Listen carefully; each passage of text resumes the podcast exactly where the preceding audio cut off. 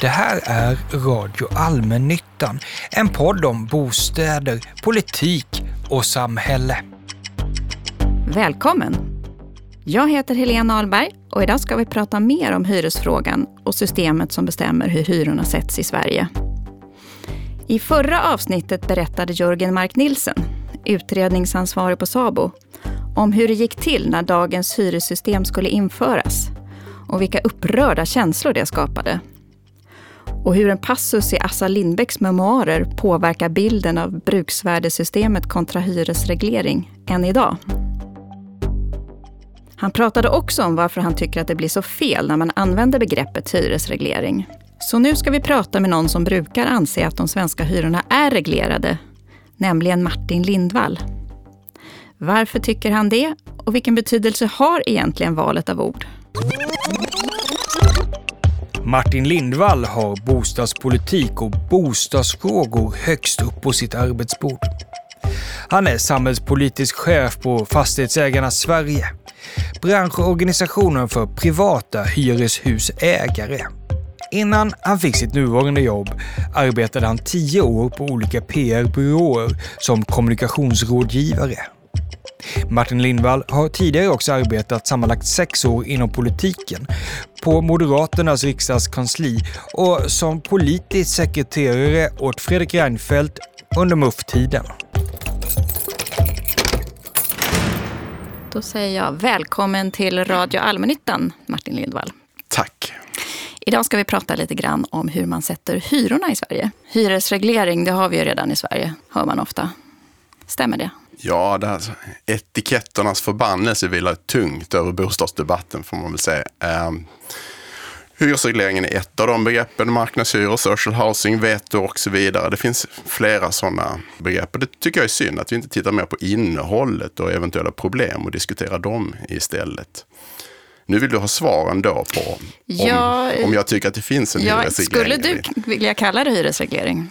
Ja, det skulle jag vilja göra. Eh, av det enkla skälet att om man tittar på effekterna av det så har det samma effekter som om det vore en politiskt beslutad eh, hyressättning. Och det, det är det ju i grunden. Om man ställer kontrollfrågor, liksom, har vi en lagstiftning som reglerar hur prisbildningen går till?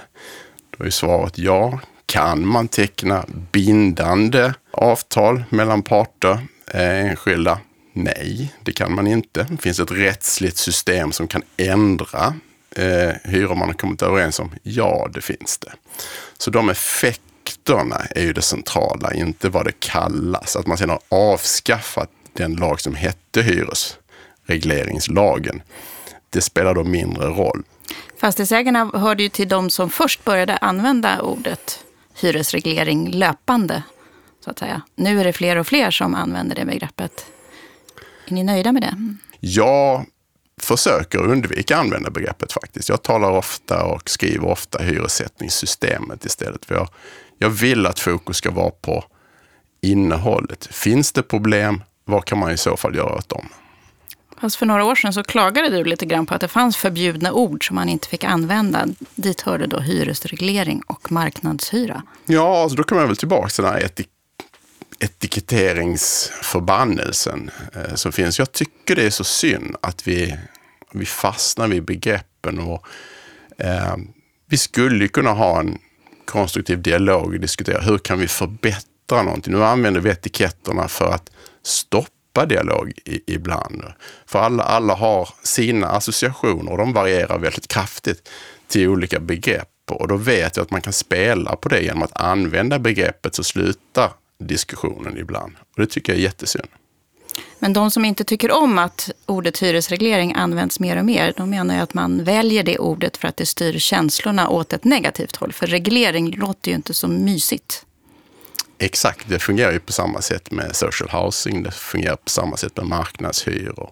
På senare tid diskuteras begreppet veto och, och också på ett liknande sätt. Och jag tycker det är synd att man inte fokuserar på innehållet istället.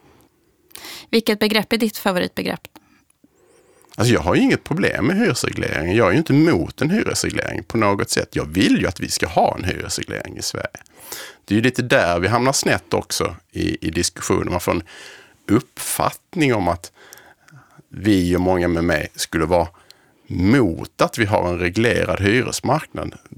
Det vill, den vill vi inte alls bli av med på något sätt. Tyskland har en ganska stark hyresreglering. Jag tycker att Tysklands hyresmarknad är något positivt att titta på. De hanterar det väldigt bra med en stark reglering. Och, eh, så eh, alltså det är en vanlig missuppfattning att jag skulle vara emot hyresreglering. Jag vill inte ta bort hyresreglering. Jag vill inte avskaffa hyresreglering. Jag vill förändra hyresregleringen så hur den fungerar.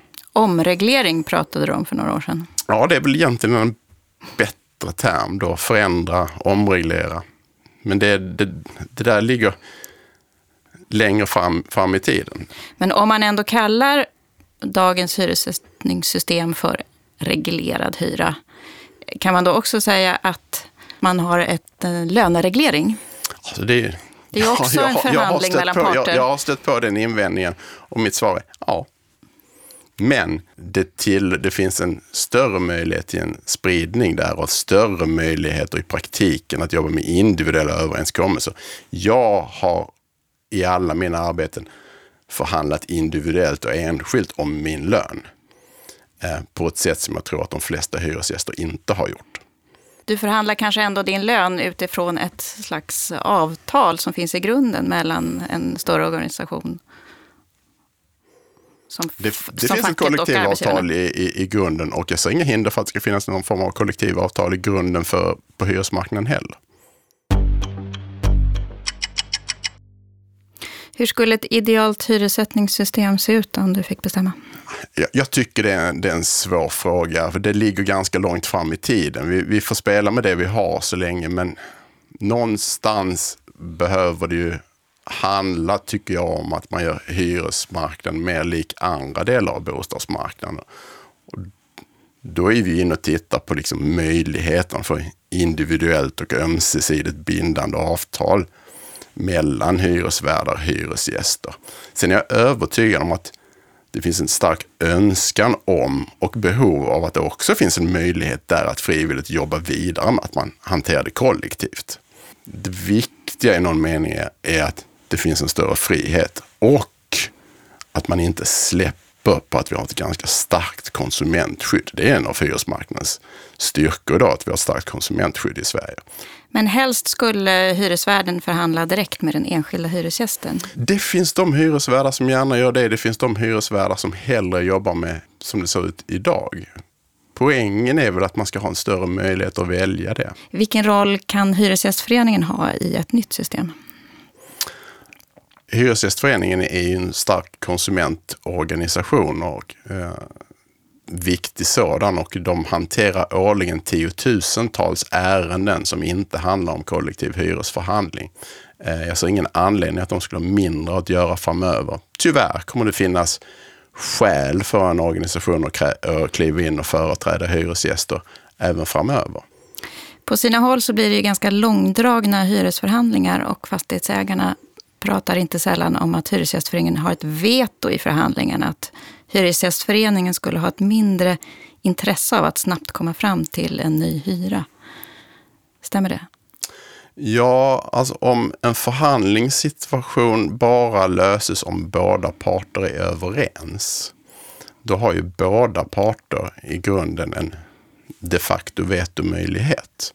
Handlar förhandlingen om att man ska sänka hyror och hyresvärdarna säger nej, då kommer hyran att förbli vad den är motsvarande sätt, och det är ju den vanligaste situationen, att när man förhandlar om en höjd hyra och den ena parten säger nej, då kan den fortsätta säga nej. Till slut måste ju eh, fastighetsägaren ge med sig. Man tar hellre 0,1 än noll, för det blir ju ingen överenskommelse om man inte är överens. Då kunde man lösa det genom att säga att som på arbetsmarknaden, då går man vidare. Det finns stridsåtgärder och det finns ett medlingsinstitut som tar över. Så fungerar det ju inte i hyresförhandlingar. Det finns ju ingenstans att ta frågan vidare. Det finns, och därför hade det varit skönt om det fanns någon sån oberoende medlingsfunktion att ta frågan vidare till. För egentligen så har både Fastighetsägarna och Hyresgästföreningen lika mycket vetomöjlighet. Så är det. Och om det var lika vanligt att man förhandlade om sänkta hyror som om höjda så skulle man kunna hävda det. Men så fungerar det ju inte. Har den här eh, situationen förändrats sedan 2011 när det kom en ny lag?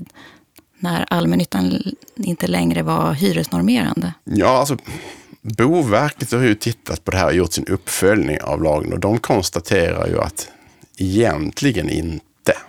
Eh, förhandlingar går ju till på samma sätt idag och grunderna för förhandlingarna har, har inte ändrats. Eh, så i det avseendet skulle jag säga att nej. Sedan är det ju så att privata fastighetsägare har börjat vara mer aktiva och eh, ta ett större ansvar också i hyresförhandlingar än vad de hade möjlighet att göra tidigare.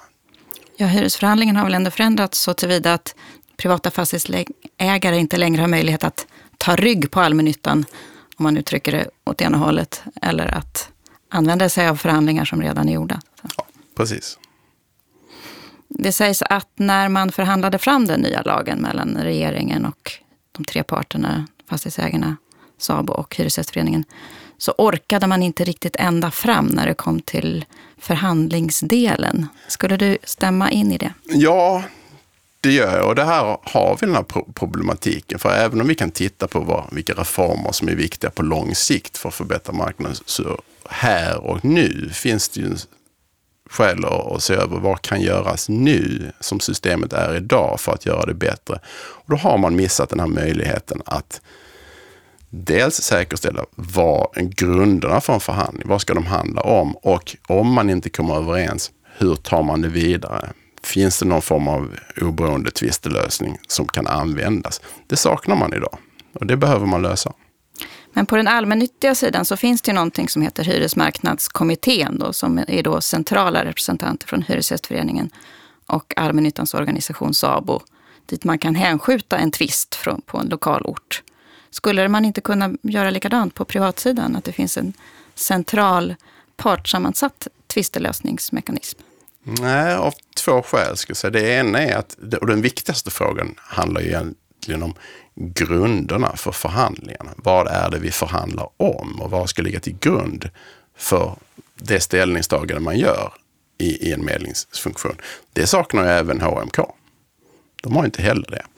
Eh, det andra är ju att det är en ren partssammansatt och, och, eh, funktion och där tror vi det är bra om det finns någon oberoende. Annars har man egentligen i grunden flyttat förhandlingarna vidare bara en, en trappa upp. Men det är fortfarande samma parter. Och då blir det lite att man istället för att titta på de grunder som kan vara objektiva så tittar man egentligen på hur kan vi nå en kompromiss?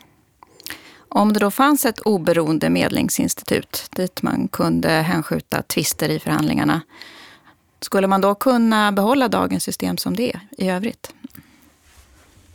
Alltså det, är ett första steg. Vi måste ju börja med att gräva där vi står. Eh, ser vi att det finns problem på hur hyresmarknaden fungerar idag och hur hyressättningssystemet fungerar, så är det naturligt att vi börjar titta på hur vi förbättrar det. Därefter bör man naturligtvis titta på de saker som faktiskt har påvisats som problem på den svenska, i det svenska hyressättningssystemet. Men om man ändå tittar då längre fram, vad skulle det här andra längre fram i tiden bestå i? Vi vill ju att hyresvärdar på en ideal marknad ska konkurrera om sina kunder precis som företag på andra marknader gör och kunna anstränga sig lite extra för att tillmötesgå individuella önskemål. Och då behöver ju lagstiftning och regelverk möjliggöra det. Annars blir det bara att du konkurrerar med pris. Och det, tror jag blir en liten fattigare marknad om det är bara prislappen man konkurrerar med och inte kvalitet och innehåll i, i den tjänst man erbjuder. Men i en bristsituation måste väl en enskild hyresgäst alltid vara i svagare ställning gentemot en värd?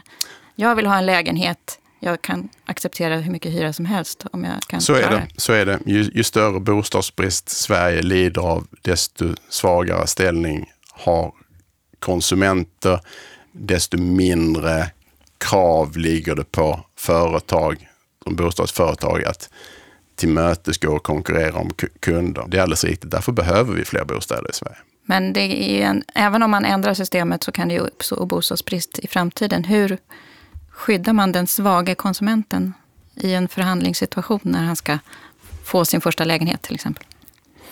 Alltså, utgångspunkten är mycket av det konsumentskydd som finns idag går att behålla.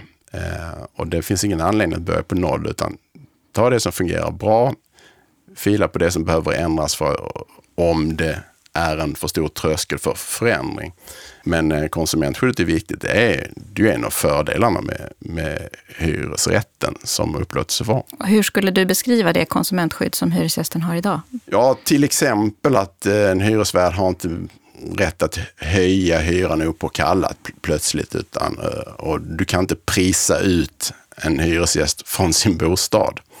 Det är väl en av de starkaste eh, inslagen i det. Men det finns också många delar som är kopplade till vad du får göra med hyresrätten med en bostad som finns. Jag kan som hyresvärd inte fritt disponera över bostaden. Jag kan inte bygga om den. Jag kan inte göra förändringar utan det kräver liksom en samverkan och en dialog med, med hyresgäst. Det är inte så lätt att vräka en hyresgäst. Nej, det, det, och det, det ska det inte vara heller om det inte finns starka skäl för det. När det finns starka skäl skulle jag säga att det inte är jättesvårt att göra det i Sverige idag.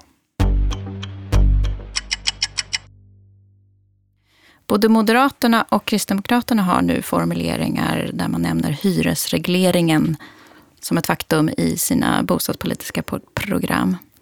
Kommer det bli fler partier som har den formuleringen? Om de kallar det hyresregleringen eller hyressättningssystemet tycker jag är ganska egalt. Eh, fokus är vad är det de ser för problem med det? Vad är det de vill ändra?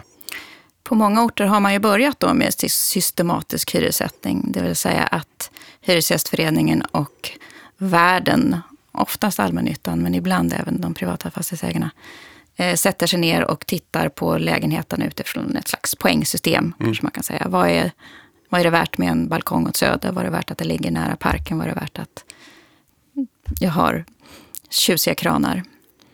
Är det bra?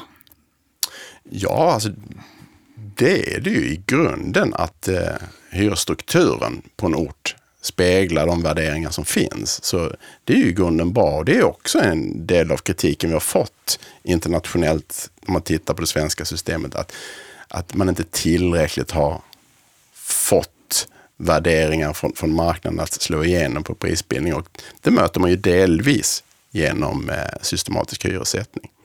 Men om systematisk hyressättning är bra, det är ju ett sätt att tweaka inom det befintliga systemet kan man säga. Mm. Varför är det inte fler privata fastighetsägare som har hakat på det ute i landet? Där behöver man ju vara överens lokalt och känna att det förslag som finns här speglar så som vi bedömer att marknaden ser ut. Och då kan man ju titta på och försöka spegla det rakt av eller så utgår man från ett nollsummespel där man egentligen bara ska fördela hyreskakan. Där ser vi eh, inom vår organisation bland många medlemsföretag ett motstånd mot att man egentligen inte speglar marknaden utan man bara fördelar kakan internt. Och då, då är det många som kliver av diskussionen om det. Kommer bostadsfrågan bli en het fråga i valet i höst? Nej och ja. Eh, så som enskild fråga, att vi nu ska vi ha en bostadsdebatt eh, eh, tror jag inte att den blir jättehet. Däremot griper den ju in i så många av de stora frågorna, utanförskap, integration och arbetsmarknad. Så där kommer den vara med och vara väldigt stark. Den första mars så går eh, anvisningslagen ut och statens finansiering av dem och vi har redan haft den första kommunen som har deklarerat och nu följer fler efter om att nu tar vi inte längre ansvar för eh, det boendet, och det vi har finansierat, utan nu säger vi upp dem bostäderna och då kommer väldigt många nyanlända att hamna i en väldigt svår situation. Det där kommer att slå igenom i politiken ganska tydligt. Har, jag är förvånad över att det inte har fått större utrymme i den allmänpolitiska debatten utan fortfarande väldigt mycket i kommunsfären. Men eh, här tror jag vi har en oerhört infekterad fråga framför oss. Du det... tror att fler kommer göra som Lidingö och säga att vi tar inte längre ansvar för att försörja de nyanlända med bostäder. Det har redan deklarerats från flera kommuner och det är inte partiskiljande utan det är en situation man, man står inför. Hur skulle du tolka bosättningslagen? Ja, då kan jag ge kommunerna ansvar, men den är ju kopplad till att staten finansierar. Slutar staten finansiera, då är intresset från kommunerna mer begränsat. För de nyanlända är inte de enda i kommunerna som saknar eh, en bostad. Man, de hamnar i en situation där grupp ställs mot grupp. Och, eh, Så hur borde man göra för att lösa den frågan? Ja, vad man behöver göra är ju naturligtvis en, en satsning på en ny social bostadspolitik. För den räcker inte idag. Det här handlar om människor och det är inte bara nyanlända, men det är människor som har väsentligt sämre ekonomi än grupper som vi en gång utformade den sociala bostadspolitiken för. De är fler, de är en mer heterogen grupp och den kommer, för att de ska kunna bo kommer vi att behöva riktade stödåtgärder. Vi måste fortsätta investera i fler bostäder, men det räcker inte. Vi kan inte bygga bort problemen bara. Det här är människor, de har inte råd att efterfråga nyproducerat och då behöver vi komma åt de bostäder som är billiga och de finns redan. Då blir det också fortsatta satsningar på att främja rörligheten på bostadsmarknaden. Men vi kommer att behöva göra boendekostnaden lägre för fler människor. Då ser jag att man måste subventionera boendet, men inte subventionera byggandet av bostäder, inte subventionera företag och, bo och bostadsbolag eller byggbolag, utan de måste vara kopplade direkt till människorna. Så höjda bostadsbidrag och fler sociala kontrakt, alltså en form av socialbostäder? Ja, och att man använder dem olika. Vi, vi har några förslag i vår rapport som vi presenterar om en ny eh, social bostadspolitik. Vi är oerhört ödmjuka inför det. Vi har inte alla svar, men vi vill få fler att komma med idéer och då, då känner vi att ett sätt att främja det ju att själv lämna några tankar och idéer på, på vad man skulle kunna göra. Har ni räknat fram någon prislapp på det? Det har, det har vi inte gjort, men klart, klart eftersom vi har inte gått igenom exakt hur förslagen ska vara utformade. Det behöver man göra om man ska ha en prislapp på, på dem. Eh, vad vi kan säga är att ja, det kommer att kosta pengar. Eh, social bostadspolitik kostar pengar. Det gör det redan idag. Det behöver kosta mer. Alternativet är att de här människorna inte har någonstans att bo. Tack för att du kom till Radio Allmännyttan, Martin Lindvall. Tack själv. Du har hört Radio Allmännyttan, en podd från Allmännyttans intresseorganisation SABO. Den spelas in hos produktionsbolaget Filt Hinterland. Producent Simon Måser, tekniker Gustav Sondén.